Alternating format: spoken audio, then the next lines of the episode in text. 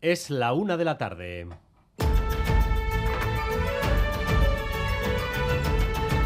Crónica de Euskadi con Dani Álvarez. A Rachaldeón, Euskadi va a cerrar el año de la guerra de Ucrania y la crisis energética y de precios con presupuestos en todas sus instituciones. Están a punto de aprobarse los del gobierno vasco en el Parlamento y también los de las diputaciones y los ayuntamientos, a cinco meses de las elecciones, dejando un panorama de gestión despejado.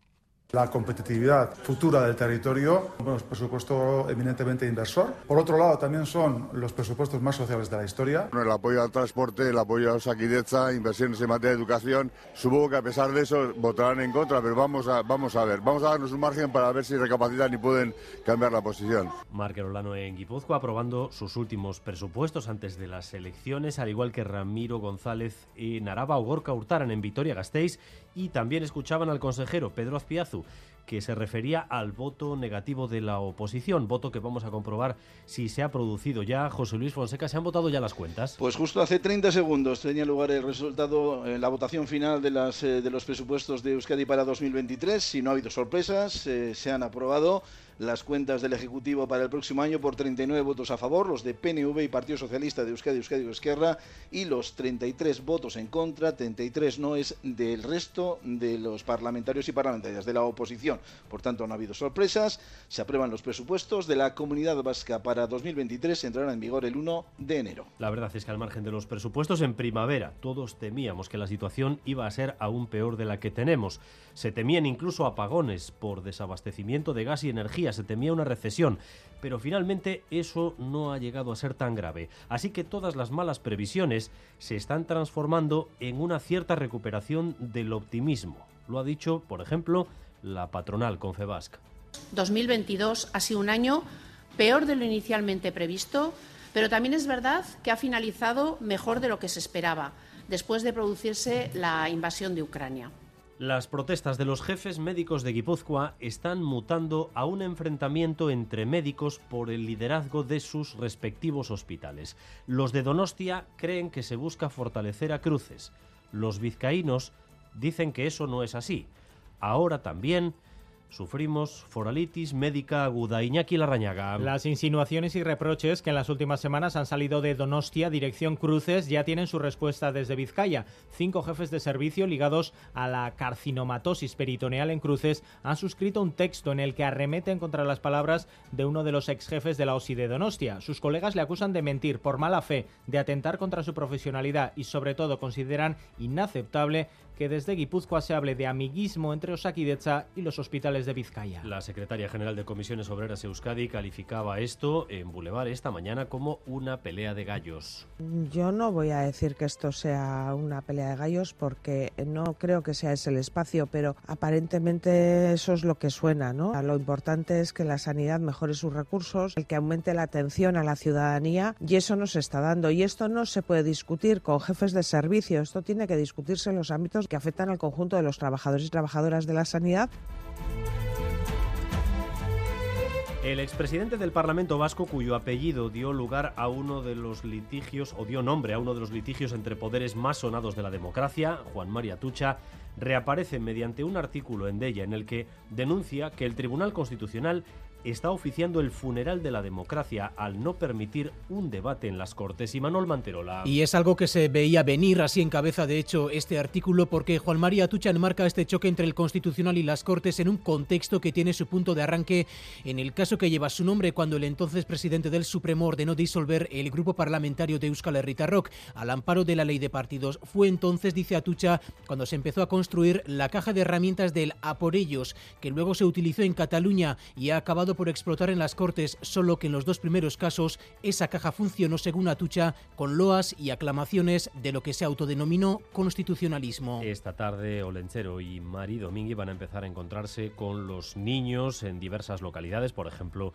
tendrá lugar el desfile en Bilbao, pero ellos ya saben lo que hay que meter en el saco. Tablet bat. Eh, nik guazeneko kamiseta bat. Erloju bat. Nahikoa zintzo portatu zarete? Bai! Bueno, batzutan, batzutan. Batzutan bronkan irene barekin baina bai.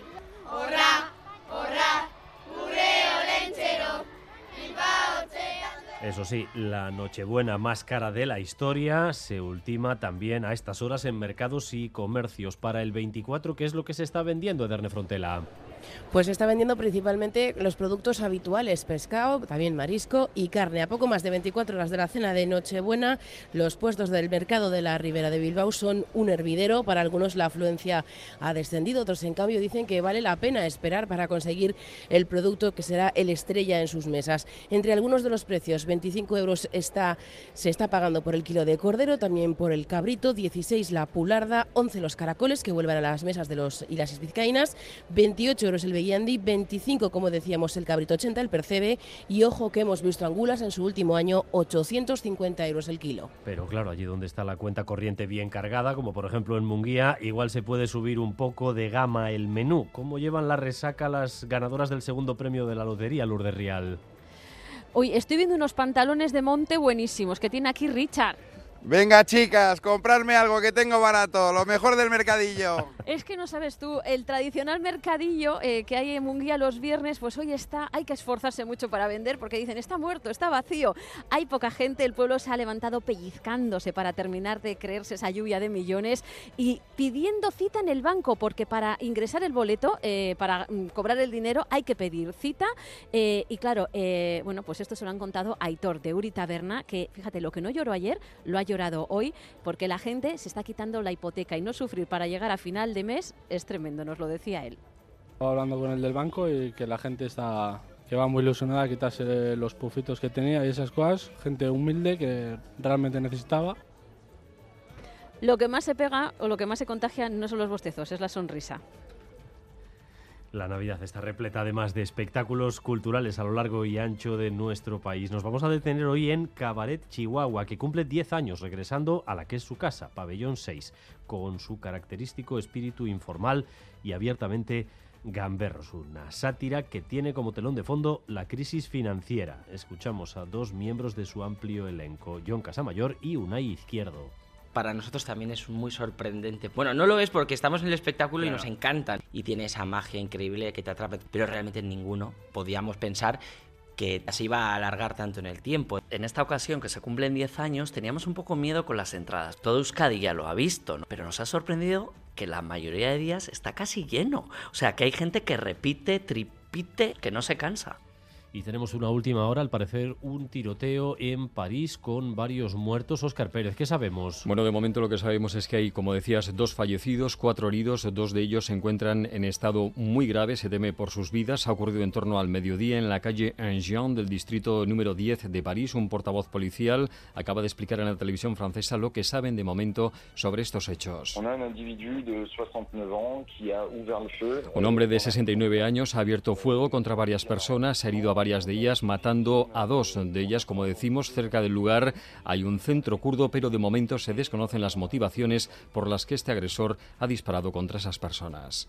Y vamos también con lo más destacado del deporte, con César Pérez Gazola, Zarracha Aldeón. César. Gracias, don Dani. Pendientes hemos estado hoy del sorteo de la tercera ronda de Copa en fútbol, todavía partido único y con cuatro equipos vascos en el bombo. Se van a jugar los encuentros la primera semana de enero. Nuestros tres primeras se van a medir a conjuntos de Primera Federación, lejos de sus campos, de sus estadios. La Real Sociedad, el equipo de Imanol, va a jugar en las Gaunas ante el Logroñés. El Athletic de Chingurri Valverde en el campo del Eltense y Osasuna, el conjunto navarro, en Tarragona frente al Nastic. El Deportivo Lavés jugará en Mendizorroza en Vitoria. Cuatro años después volverá a jugar el glorioso partido de Copa en casa y ante el Real Valladolid, equipo de Primera División. Y esta noche en Irún, segundo encuentro de la quinta ronda de partido del Parejas, Ezcurri Martija ante Jaca y Aranguren. En cuanto al tráfico, el Departamento de Seguridad nos advierte de cortes intermitentes en los accesos a Bilbao por San Mamés debido a la afluencia de vehículos. Y en cuanto al tiempo, seguiremos con viento sur que soplará fuerte. Debido a este viento continuamos también con temperaturas eh, pues más bien propias de meses precedentes, con 21 grados a estas horas en Donostia, 21 grados también en Bayona, 19 en Bilbao, 16 en Pamplona y 14